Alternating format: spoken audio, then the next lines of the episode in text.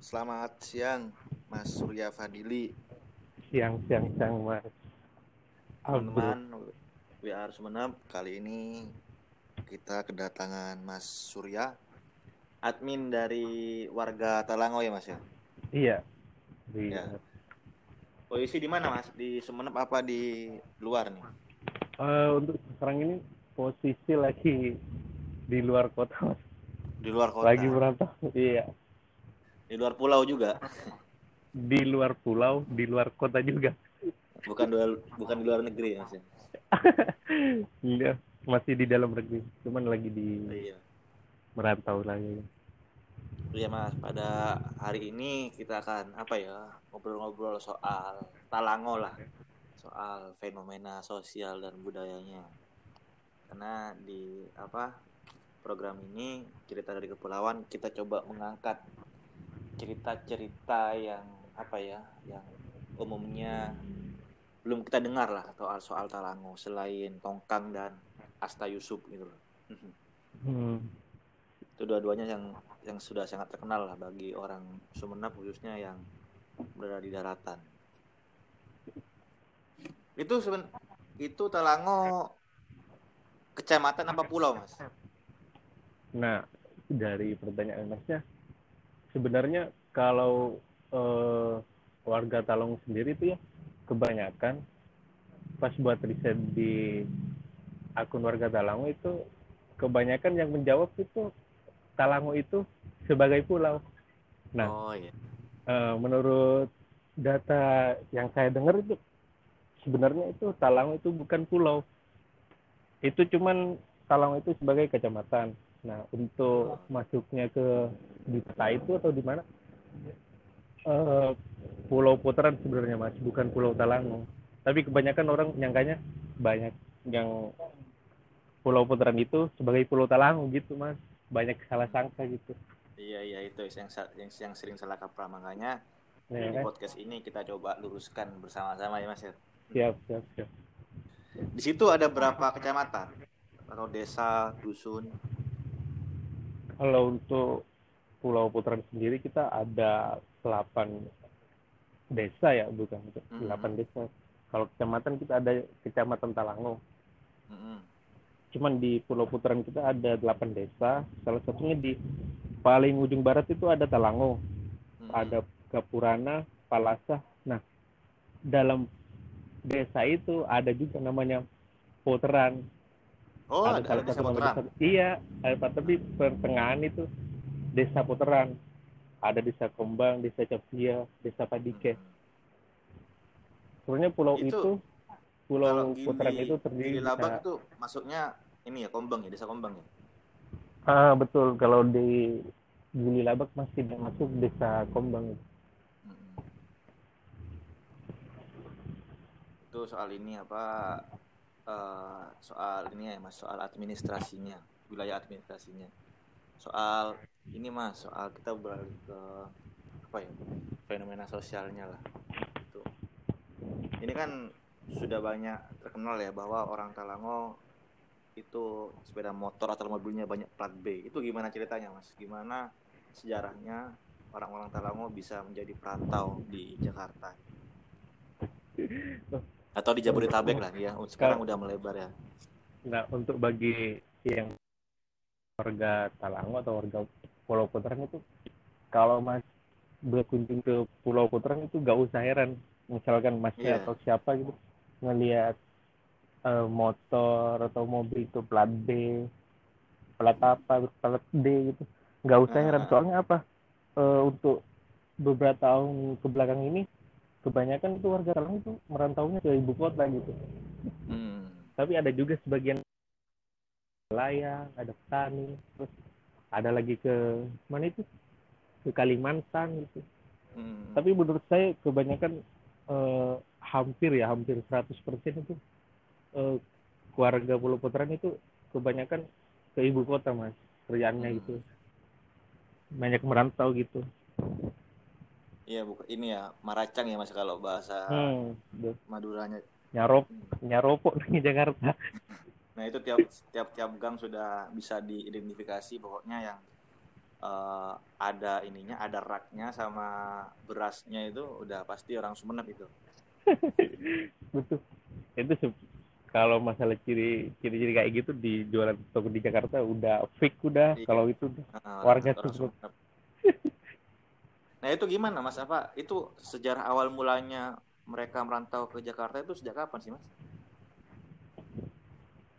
untuk masalah banyak merantau itu uh, saya belum tahu pasti cuman yang saya hmm. dengar dari teman-teman itu pertamanya itu ada orang ke Jakarta hmm. satu orang dia sebenarnya nggak di nggak apa ya maaf maaf ya nggak ibaratnya masih di bawah rata-rata itu dari desa itu merantau ke Jakarta. Dia sukses berapa tahun dia gak pulang tiba-tiba dia uh, bisa merubah se, apa uh, ngerubah apa ya Nasib ibaratkan dia bisa mengangkat derajatnya orang warganya. itu gitu loh. Uh, warganya itu. Nah banyak kan orang tergiur. Eh, ngapain tuh ditanya-tanya kayak gitu kan? Jadi orang banyak itu tergiur. Nah akhirnya dari omongan ke omongan itu banyak menyebar banyak menyebar. Nah, sampai sekarang udah ya. sampai sekarang udah banyak kan uh, itu kira-kira kira-kira napak 20 tahun yang lalu atau 10 tahun yang lalu deh kenapa? Itu kira-kira tahun berapa? Apa 20 tahun yang lalu 15 tahun yang lalu atau gimana? Baru 2009 dah yang oh 10 tahun yang lalu ya? Eh, eh, ya soalnya sejauh apa sejauh yang saya tahu itu dari dulu hmm. Tarangan itu itu apa belum pernah ada yang merantau. Baru-baru ini aja yang kedengarannya Talango sudah mengekspansi Jakarta sudah mau menyayangi Alfamart sama Indomaret itu. kalau tapi kalau kalau kalau boleh di ini mas sebenarnya duluan siapa sih orang Kili Genteng atau Talango yang ke Jakarta Nah, masalah atau itu Giliang itu, itu kan juga tiga pulau ini iya, juga, gitu. apa ya? udah mulai ibaratkan udah kayak uang saing-saingan gitu ya. Hmm, nah itu yang mana yang duluan siapa ya? Giliang, Gili Genteng atau Talango yang mengekspansi Jakarta tuh? Nah sebenarnya kalau masalah kayak gitu kita dengar dari cerita teman-teman itu sebenarnya orang Talango dulu, nah hmm. baru Talango dia kan ibaratkan yang jaga itu cari orang penggantinya gitu. Oh iya iya iya paham. Nah ada begitunya itu dari apa dari desa lain atau dari ke mana dia ganti terus ya kayak gitu mas ganti-ganti gitu kalau sudah mau balik gitu iya iya dan gitu, itu juga mas. yang membuat apa uh, trayek bus ke Jakarta dan travel Sumeneb Jakarta meluas juga ya mas ya? Iya mas. Lagi rame-ramenya itu.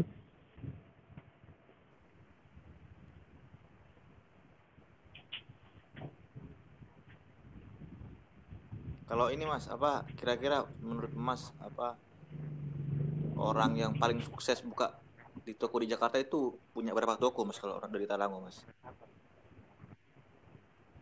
Kalau masalah gitu uh, yang ibaratkan sukses gitu hmm. kita nggak bisa tahu pasti ya Mas. Hmm. Soalnya apa? Ada orang gitu ya sukses di Jakarta. Mungkin ada saudaranya tapi dia gak pengen mau merantau mm. cuma ibaratkan dia ngasih modal gitu sama orang itu mm. disuruh jagain ya nah jadi ah, betul kayak gitu kebanyakan sih gitu kalau menurut saya tahu ya saya nggak tahu pasti kan rata-rata orang bisa hampir tiga toko lima toko gitu kalau sekali ya buka ya itu, mas. kalau baru bu mau buka itu habis habis berapa duit mas sama sama kontrakannya itu setahun itu mau buka nih misal ada teman-teman yang berminat buka misal di hmm. Surabaya atau di Jogja mau pengen ikutin cara Talango dalam membangun apa toko kelontong di ibu kota itu ngabis berapa mas modal awalnya sama kontrakan kalau misalkan ada teman-teman dari di luar warga Talango itu mau buka usaha kayak gini ya hmm. sarannya ya cari aja tempat luas yang enak yang cocok gitu soalnya kebanyakan apa kalau dia pengen usaha buka kelontong di warung apa di Jakarta tiba-tiba dia nggak ngeliat kondisi nggak lihat ramenya orang apa tiba-tiba langsung uh-huh. buka gitu nggak oh, mikir oh, iya, gitu iya. kebanyakan mas makanya kalau masalah harga berapa apa modal utama itu buat buka warung kelontong itu ngeliat dari tempat tempat sama kondisinya aja gitu. Kalau rame iya apalagi kota gitu lumayan harganya. Kalau di pinggir ya agak-agak murah aja gitu. Yang tentuin aja tempat gitu bisa nyampe tempat aja ya atau Eh, min- strategi strategis atau enggaknya ya? Iya kalau strategis aja gitu. Kontraknya bisa hampir 30 30 40 itu per tahun per Itu tahun ya? modal utama kebanyakan sekali buka ya sama kontrak terus sama belanjaan itu eh, minimal modal utama itu 8 70 80 jutaan gitu. sekali Udah buka ya itu. Heeh. dan itu proyeksinya bisa balik modal langsung setahun itu Aduh kalau masalah itu saya bilang kalau mau cepat bolak balik modal cari aja tempat yang strategi untuk eh, pengen cepet-cepet balik modal kalau masalah itu Oh, sekali iya. apa itu itu sebenarnya ini ya untung-untungan lagi ya iya untung-untung Tapi- lagi Eh, rata-ratanya itu kira-kira mereka yang buka balik modalnya berapa tahun mas? Kalau abang saya itu eh, hampir dua tahun baru bisa bolak balik. Hmm. Tapi kalau yang masih udah tepat strategis apa itu, kadang nggak nyampe satu tahun mas sudah udah pada balik modal itu. Kalau mas Makanya- sendiri jaga di mana nih? Daerah mana nih? Biasanya jaga dia di Tebet Tebet. di. Saya di Tebet Hmm. juga dulu mas. Di Tebet juga saya dulu. Eh main-main lah bisa. Tebet Barat saya dulu, tapi sudah enggak tapi. Apa kerja kerja juga apa buka usaha kelontong juga ini? Kerja mas. Tebet Barat deket Oke. ini, deket Masjid Al Ittihad gitu loh. Ya ya kapan kalau itu bisa lah kumpul-kumpul lagi. Iya iya Gimana? siap siap nantilah. Ini di luar di luar acara. Betul betul betul betul. Berapa tahun mas di mas ini sebagai eh, apa pengusaha warung lontong? Kalau saya sendiri ba- baru satu tahunan sih. Satu tahun tahunan ya? Sama istri di situ. Aduh, istri masih belum ada mas. Wah, oh, ma- masih masih Ya. bujangan berarti. ya? Kalau ada istri wah jangan lama-lama gitu kerja. Iya. Mas, masa iya mas mau ini ini ini di toko kan gak enak. mending di mending di Talango ya kan adem Eh, betul. nyaman. Membangun, membangun keluarga. Soal ini mas, apa, Betul, kita lihat ini, kondisi di Hmm. Talango. Kira-kira apa sih mas masalah utama di yang dialami warga Talango baik dari pendidikan atau ekonomi atau apalah gitu atau infrastruktur yang ada di Talango? Kalau masuk. Oh bulan-bulan ini kayaknya yang bikin permasalahan itu yang perlu diatasi. Di eh, apa eh, pas pelabuhan itu mas. Soalnya apa ya? Banyak orang yang satunya bilang oh ini banyak pungli. Nah sedangkan dari pihak ininya mana ada pungli? Kan udah sesuai dengan prosedur apa, peraturan itu. Nah itu mas sekarang yang saya dengar banyak cekcok gitu mas. Yang maksudnya dalam Makanya pelabuhan apa untuk- mas? Dalam pelabuhan Talang itu penyeberangannya gitu mas yang mau masuk Oh, itu itu ke Jakarta atau eh, mau masuk ke itu emang ada biayanya lagi itu. kan cuma bayar tongkang aja kan? nah sebenarnya yang pengen tahu saya kayak gitu mas sudah sesuai Hmm. dengan tiket sesuai dengan apa gitu nah tapi kebanyakan orang kok ada apa maksudnya em, biaya tambahan gitu biaya tambahan kayak kalau ada siara di target Oh, iya. sekian kalau ini eh, banyak yang gitu yang saya dengar sih tapi pas saya tanya dari teman-teman ke pelabuhan itu enggak emang sesuai segini nah makanya saya pengennya gitu untuk masalah biar nggak cekcok berkelanjutan itu mohonlah untuk duduk bersama itu baik dari pihak Hmm. Dari masyarakat Talang itu biar sama-sama gitu menyelesaikan kayak gini. Ya itu biar biar ano ya ada soalnya duduk bersama terus dibikin lah transparansinya seperti apa. Jangan sampai ada informasi-informasi yang miss lah ya maksudnya biar nggak menimbulkan konflik nantinya ya. Iya, ya begitulah. Pengen saya misalnya kayak gitu. Cuman kayaknya aduh agak sulit ya. Soalnya nggak sulit apa? Meskipun mungkin ada dari keluarga Galango itu yang sudah di posisi di. Pemda itu cuman kayak gimana ya? Kurang ginian sama pembangunan Iya, kurang talang ya, gitu. kurang peduli lah itu ya. aja sih. Nah itu. Soalnya timbul tiap tahun mas kayak gitu mas masalah-masalah di pelabuhan kayak iya gitu. kayaknya jadi apa ya jadi istilahnya eh, budaya yang dibenarkan lah gitu loh meskipun kadang eh, warga sendiri juga bertanya-tanya ini sebenarnya uangnya bener nggak sih? Atau larinya ke mana? gitu ya mas ya. Iya kan. Kalau- soal makam Asta Yusuf mas itu pengelolaannya siapa sih mas?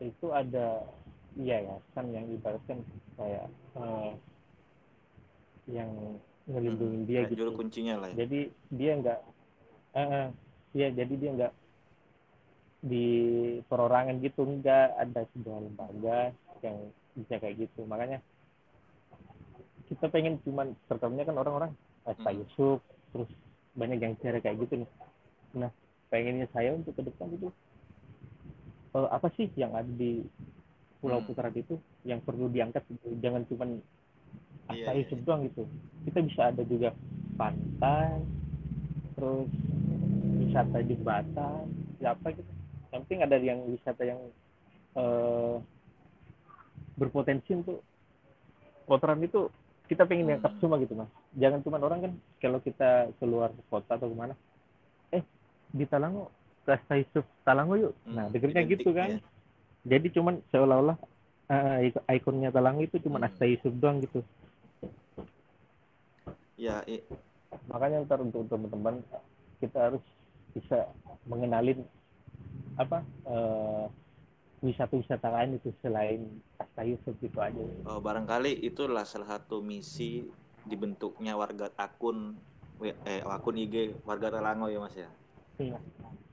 Nah, sebelumnya nggak ada nggak ada akun-akun IG soal Talango berarti mas? Kalau saya lihat-lihat ada sih mas akun cuman kayak apa ya kurang Hmm. cepat aja gitu saya gitu. Ada adalah beberapa akun cuman kayak dia nggak ngupload eh, kegiatan yang benar-benar asli tala, al- yang ada di Pulau Hmm. Putaran itu mas. Bukan nggak ada ya bukan aslinya itu. Misalkan kayak ada eh, apa? Apa itu namanya mas yang tiap ada pengantin naik apa itu iya iya Saronin, soal, soal, saronin, soal saronin. kebudaya- kebudayaannya ya kebudayaannya nggak diangkat. Nah kebud soal kebudayaan. Cuma sekedar apa soal ya paling cuma sekedar foto repost foto doang kan ya gak ada hal-hal yang nah sifatnya iya gitu edukatif juga gitu ya mas ya. Betul betul. Cuma saya mikirnya oh ini masa cuman akun ini eh repost foto-foto Hmm. yang ini doang ini doang. Ini nah sedangkan kayak sosial kayak kita mengalami wisatanya gitu kok nggak ada gitu. Makanya dengan adanya itu ya semoga aja ke depannya bisa iya ngerangkul Mas. bareng Itu- gitu itu- lah gitu saya juga Beda senang nih eh, juga banyak teman-teman kecamatan yang udah mulai bikin. Ada Wiar Kending Wiar Daso warga Talango Wiar Kalianget. Udah ini mulai mulai mulai ini. Dan ini dipelopori oleh anak-anak muda aktif ini ya. saya juga apresiatif banget nih sekarang ada sport kangingan ada apa sapekan. Jadi mereka berlomba-lomba gitu loh pengen ngenalin. Ini daerah saya kayak gini nih ayo ke sini gitu. Kan Iya, nanti sendiri, kita lah, inilah nanti Kalau kita inisiasi lah bikin apa gathering bareng akun sosmed sesumenep lah dulu ya. Asik, asik, Tapi boleh siap, mas, siap. aku juga toko mas. pakainya Mau kok mulia ya Sudah banyak yang nunggu ya nah tadi sih. Di BHP ya. tapi untuk masalah kayak gitu sebenarnya kita juga butuh support dukungan dari Pemkap atau dinas yang terkait dengan untuk pengenalan Gak usah mas, eh, gak usah. Kalau kita gitu, malah. Berharap sama pemerintah, ya jadinya kita disetir nanti. Udahlah kita bisa bisa jalan sendiri dengan gaya kita tanpa harus mereka itu. ya Oke, kalau oke, kalau siap, mereka siap. pengen bantu ya bantu aja, Saya- tapi jangan rock ngerok gitu. Oh Paham, iya kan? iya iya iya. Iya kan Cak Nano nak ngan Iya. ngantus komando nak. Oleh bentuk bentuk tapi cerok cerok noro. Oi. Tepat tepat Kopi tepat. dulu mas, dulu kak. Gimana kalau kalau masalah pendidikan di situ aman-aman aja mas? Kalau masalah pendidikan eh, kayaknya sih aman-aman aja mas. Cuman untuk infrastrukturnya aja gitu yang masih kurang perhatian untuk daerah eh, Talang apa salah warga Potran itu daerah timurnya itu mas. Aksesnya itu loh mas yang itu mas. Dari Aceh terus jarak tempuhnya juga iya. Seperti dari apa namanya Hmm. pengajarnya itu banyak yang ngeluh oh kejauhan ini. Wah kalau ditaruh ini kejauhan. Itu yang saya sering Ya dengar. maklum mas orang-orang daratan. ya harusnya kalau misalnya memang niatnya mengabdi apalagi disumpah sebagai aparatur ya jangan ngeluh lah gitu. itu juga butuh perhatian. Iya, Toh nanti juga di situ juga nggak nggak lama paling dimutasi lima tahunan tapi alangkah baiknya mas eh, yang ngajar itu yang Mm-mm, deket-deket ya emang situ dah. idealnya kayak gitu tapi kan lagi-lagi soal rekrutmen kan lagi yang ASN kan tuh saingannya dari mana-mana ya. Tapi banyak pemuda Talang yang ini nggak mas? Yang udah pendidikannya tinggi gitu misal S1 S2 kalau untuk eh, pendidikan rata-rata itu oh, lulus SMA mas. Ada sebagian juga masih nggak 100% itu S1 semua gitu kebanyakan hampir lah 80% itu SMA SMA udah itu aja dong soalnya apa ya tergiur dengan ini mas ya, iya yang ah. buka warung itu Iya. Mungkin gitu ya. Jadinya ya. itu sebenarnya sih ini sih apa realistis kan mereka butuh uang lah untuk hidup. Tapi kan untuk ke depannya sustainability-nya mungkin perlu diperhatikan lagi. Nggak nggak mungkin kan mereka bakal terus menerus untuk jaga toko atau ap- apalagi tokonya orang gitu kan. iya tapi ada juga loh mas yang gini oh, mungkin ada beberapa warga Telang itu yang pengen Hmm. kuliah nah pas dia tahu pas dia kuliah kan ada jeda Hmm. libur gitu nah libur berangkat ke Jakarta eh dianya nggak pengen lagi. ngelanjutin kuliah Karena kan Iya. udah tahu nyari duit ya. Nah, itu yang ini bisa yang- bisa jadi di ini juga sebenarnya kan itu dilema juga ya apalagi kalau misal orang tuanya juga nah makanya apa kalau orang tuanya juga nggak mendorong ya mungkin anaknya juga nggak bakal termotivasi kan? Betul tapi kebanyakan yang terjadi kayak gitu mas. Udah kuliah udah basic oradanya udah oke dia didukung atau pas libur coba diajak ke Jakarta. Saya nggak tahu nih apa eh, tergiurnya kok bisa eh, pola pikirnya itu kok bisa udah nggak bisa ngelanjutin. Nah sedangkan ngelanjutin berarti kan kuliah kan bisa kan diterima perusahaan bisa S1 Iya. kan bandang kebanyakan sekarang bandangnya Ah, S1 kayak iya. gitu kan. Tapi pas dia ke Jakarta langsung berubah pikiran. nah itu juga maksudnya. Eh nggak perlu oke lah lanjutin juga apa eh, tingkat pendidikan itu sebenarnya nggak terlalu berpengaruh banyak soal pekerjaan. Tapi kan sekarang ke mana-mana kalau misal mau daftar kerja kan minimal S1 lah yang dilihat lah ya mas ya. Nggak dapat Betul, dipungkiri juga betul. mungkin gitu. Itu soal pilihan sih Kalau menurut mulai tergiur mas rezeki bilang ujung-ujungnya rezeki apa sih rezeki anu vaksin nyari rezeki ya ulah repot kan kayaknya. iya. tapi tapi mereka ketika mereka bawa ada sih mas teman saya yang ini yang sinis gitu loh yang teman-teman kota yang sinis misalnya itu yang plat B beneran beli nggak sih di Jakarta jangan-jangan kredit terus dibawa ke Talango dibawa kabur itu gimana mas aduh masalah itu sebenarnya uh, ibaratnya kita nggak kredit terus dibawa kabur nggak gelanjutin kreditan itu enggak hmm. nah pas dengar kan namanya juga di ibu kota ya, hmm. ya apa-apa murah hmm. tapi dia bayar oh, sampai lunas mungkin kayak beli beli bekasnya enggak gitu enggak ya? enggak sampai nggak sampai digelapkan oh, gitu iya, enggak. Itu kan Cuman... stereotip stereotip yang harus dibantah sebenarnya. Betul betul. Tapi kebanyakan kebanyakan kredit sih hmm. kalau yang saya tahu gitu. Cuman ada beberapa orang yang langsung beli cash, oke okay, gitu. Ya, luar luar biasa soalnya orang-orang Mungkin... orang-orang kota pada ini heran. Ninja plat plat jadinya ini pikirannya kadang sirik gitu loh. itu nggak semuanya sih mungkin tergiur apa namanya uh, dengan DP murah atau apa gitu mas. Tapi untuk masalah-masalah untuk eh ini ada yang kerja di Jakarta gelapkan mobil kendaraan motor itu jarang ya, gitu apalagi sudah lengkap ininya ya dokumennya nggak mungkin ya main main iya. main apa main bawa kabur kayak gitu. Oke mas kita setelah bicara pendidikan kita bicara budaya mas. Apa sih mas budaya khas yang ada di Pulau Poteran yang teman-teman luar tuh belum tahu sepenuhnya. Kalau masalah budaya Talang itu masih kental yang saya jumpai itu misalkan ada tetangga atau family itu ibaratnya mau ngadain acara apa gitu eh hajatan atau dan lain-lain itu tetangga sebelah ke depan belakang itu bantu gitu. Hmm. nolong nolong jadi kumpul aja gitu. Uh, nolong kita jangan nolong. Mau cek palap apa yeah, apa. yeah. intinya itu yang masih kita mas. Uh, saling bantu doang.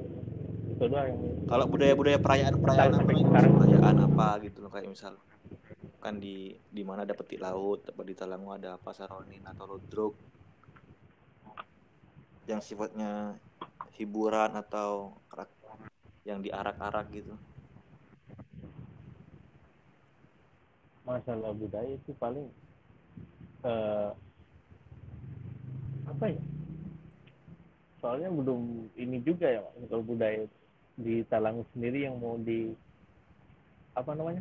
Diangkat hmm. itu cuman palingan kayak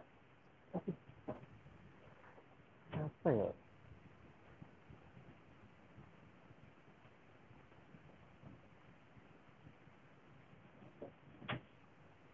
Halo? Ya.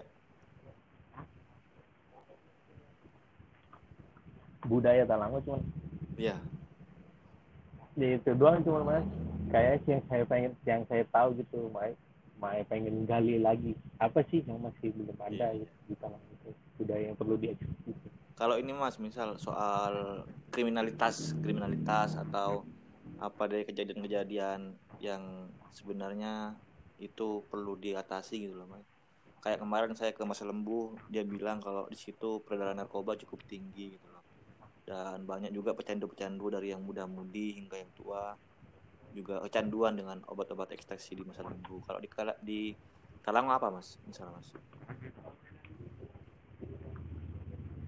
Kalau masalah Talang sendiri ya namanya juga kepulauan yang pas memang benar eh, beredar narkoba. Hmm. Pembunuhan iya. Tapi yang masa yang masih belum jelas ini mas. Sempat beberapa tahun kemarin itu ya ada pembunuhan di desa. Capia itu kan ada apa mayat yang mengambang. Hmm. nah proses itunya masih belum tahu pasti oh, ya. forensiknya ya mas ya? Ketahuan gitu. Uh, ada mas sering di itu mas. Gimana lagi ya intinya kasus pembunuhan yang beberapa tahun ini yang sering terjadi gitu. oh. gitu kalau pembunuhan narkoba gitu kayaknya hampir di setiap pulau-pulau itu hmm. ada mas cuman pas sekarang udah agak beberapa orang ditangkap ibaratkan eh, akhirnya lah bilang udah udah mulai rendah ya. udah mulai ini nah betul alhamdulillah untuk uh, kalau ini. mas cuman curan itu, mor atau masalah. curan sapi pencuran sapi? Kalau pencurian-pencurian itu uh, belum belum ada masih belum belum apa ya, belum terdengar masih cuman yang paling kental itu kayak kemarin itu pembunuhan terus narkoba. Udah itu aja cuman yang saya paling kentalnya talang itu kalau pencurian kok saya juga ngeri ngeri sedap kalau ya. pencurian korek? Korek itu untuk uh, rekan-rekan aja pas ngumpul. itu di mana? Itu pulang-pulang ke bawah itu kriminalitas yang jadi mana-mana mas. Nah ibaratku udah udah biasa udah itu. Bukan juga ya pembunuhannya. Berarti aduh itu juga per, ngeri juga itu. Tapi nggak tahu siapa tersangkanya. Kayak misterius gitu ya mas ya? Belum. Dari kan kita bunuh orang ya uh, ujung-ujungnya nggak ketemu gitu siapa yang uh, bunuh gitu. Pelakunya gitu kan. Tiba-tiba langsung ada di desa ini ada mayat. Di desainnya ada mayat gitu doang. Kalau ini mas apa? Saya pengen yang soal kembali lagi ke saya Yusuf kemarin tadi juga saya dengar juga ada yang roboh gitu loh apa? Gara-gara kena angin gitu. Nah dulu saya pernah sempat ingat mas masih kecil tuh sering diajak orang tua ke ziarah ke situ. Saya dulu pernah di ini ditarik-tarik pengemis gitu loh di situ. Masih ada nggak sih pengemis gitu mas? Nah, yang banyak dulunya itu mas. Uh, dari mungkin dari masa itu dari orang-orang itu. Ngeluhnya itu kok bisa ya? Iya maksudnya apa jumlah pengemis di situ meningkat atau malah makin menurun sekarang? Untuk sekarang ini sedang apa uh, maraknya itu kita sterilkan bagi yang itu kan di dalam itu kan ya ibaratkan pintu hmm. masuknya bukannya kita minta salam tiba-tiba ada orang hmm. gitu kan nah untuk sekarang kita alhamdulillah udah beres masalah itu. Itu sebenarnya orang asli situ apa orang luar sih, Mas? Yang saya tahu itu kebanyakan bukan orang oh, iya. situ, Mas. Kayak orang luar gitu. Tapi orang iya. Sumeneb juga. Mas, ada yang Sumeneb, ada yang di luar kota Sumeneb gitu. Itu berarti udah Ibaratkan, udah ini ya, apa? Apa sik bukan sik komunitas pengemis kayak kayak seperti kayak uh, komunitas iya tapi gitu. tapi emang dari dulu tapi bukan warga Talango yang ngemis di situ dari dari dulu bukan warga Talango gitu ya bukan mas karena memang bukan bukan dia memanfaatkan bukan di luar memanfaatkan Talango. apa destinasi wisata religi untuk mencari rezeki dengan cara mengemis menarik-narik para wisatawan. Sumpah mas saya dulu takut mas. Ditarik-tarik aduh ini siapa? Apalagi apa orang tua saya di depan kan takut diculik kan dulu kan. Hmm. ya semoga ke depannya ini juga pemkap juga apalah menertibkan lah hal-hal yang seperti itu. Itu bukan bukan masalah Talango aja sih di kota juga. Itu kan juga ada tuh kampung pengemis di Sumeneb tuh mungkin kamu iya itu perlu di ini jadi profesi udah punya ada yang punya sapi punya mobil haji gara-gara. Itu itu di KTP-nya mas profesi pengemis bisa jadi ya. Tapi untuk uh, masalah kayak gitu sekarang alhamdulillah hmm. udah enggak udah nggak ada mas. Saya pastikan udah nggak ada mis-mis di area makam Stais Pak Yusuf itu udah nggak ada gitu. Makanya saya pengen uh, apa sih yang terkenalnya orang dari setting itu yang buruk itu kita perlahan-lahan singkirkan gitu biar nggak uh, Asta itu oh, terkenal dengan pengemisnya terkenal dengan markir nggak ini gitu aja udah yang penting yang buruk-buruk aja gitu kalau kita war, kalau warga aja sendiri dikit -dikit, gitu. akunnya gitu. itu sudah pernah apa melakukan hal-hal yang konkret di dunia, di dunia nyata nggak mas misal ngapain bersih bersih apa apa apa gitu. Nah kalau saya sendiri mas semenjak buat mm -hmm. akun ini kenapa saya buat ayo awal pas saya di masih di Jakarta ini mas. Jadi untuk masalah kegiatan yang nyata itu belum saya ini. Tapi kita uh, dari teman-teman ada inisiatif nih. Oke okay, ntar anak-anak yang di Talang itu masih berkan nunggu saya dulu gitu bisa pulang. Kita ada adakan acara apa apa bos, gitu bos yang nyata gitu. Ini oke siap mas. Terakhir mas terakhir pesan Makanya, buat teman-teman Sumeneb hmm. soal Talango. Kira-kira apa? Ayo datang ke Talango apa apa di sini ada apa-apa. Sebelum kita tutup. Nah untuk teman-teman yang di luar harga Pro Talango uh, yang mau bekerja oke okay, sih welcome aja nggak apa-apa main dari luar kota dari mana aja. Ada kok uh, tempat yang lebih oke okay, uh, lebih style juga cuman cuman Asta Yusuf yang terkenalnya. Ada pantai bisa dikunjungin ada batu kapur itu. Ada wisata juga cuman jadi biar terkenalnya nggak cuma Asta Yusuf doang gitu datengin aja eh, poncuk Cepait, poncuk padike untuk yang masih bingung mau datang ini bisa kok eh, teman-teman ibaratkan oke okay, dari warga Talangu siap mengantar teman-teman yang belum tahu ya. itu kan gitu aja siap mengantar ya, jadi teman-teman gitu. silakan kalau memang pengen mau ekspor Talango warga Talango siap mengantarkan. Tapi ya cek perak anu iya dalam lagi rokok apa ke? Terima kasih Mas Surya Fadili sudah iya. ini ya sudah meluangkan waktunya berbincang-bincang di cerita dari kepulauan oleh BR Sumeneb. Uh, semangat Mas Eh, pekerjanya di Jakarta. Uh, jangan lupa pulang ke Sumeneb bangun warga Talango salam buat teman-teman warga Talango yang lain ya mas. Terima kasih selamat siang. Siap, selamat warahmatullahi wabarakatuh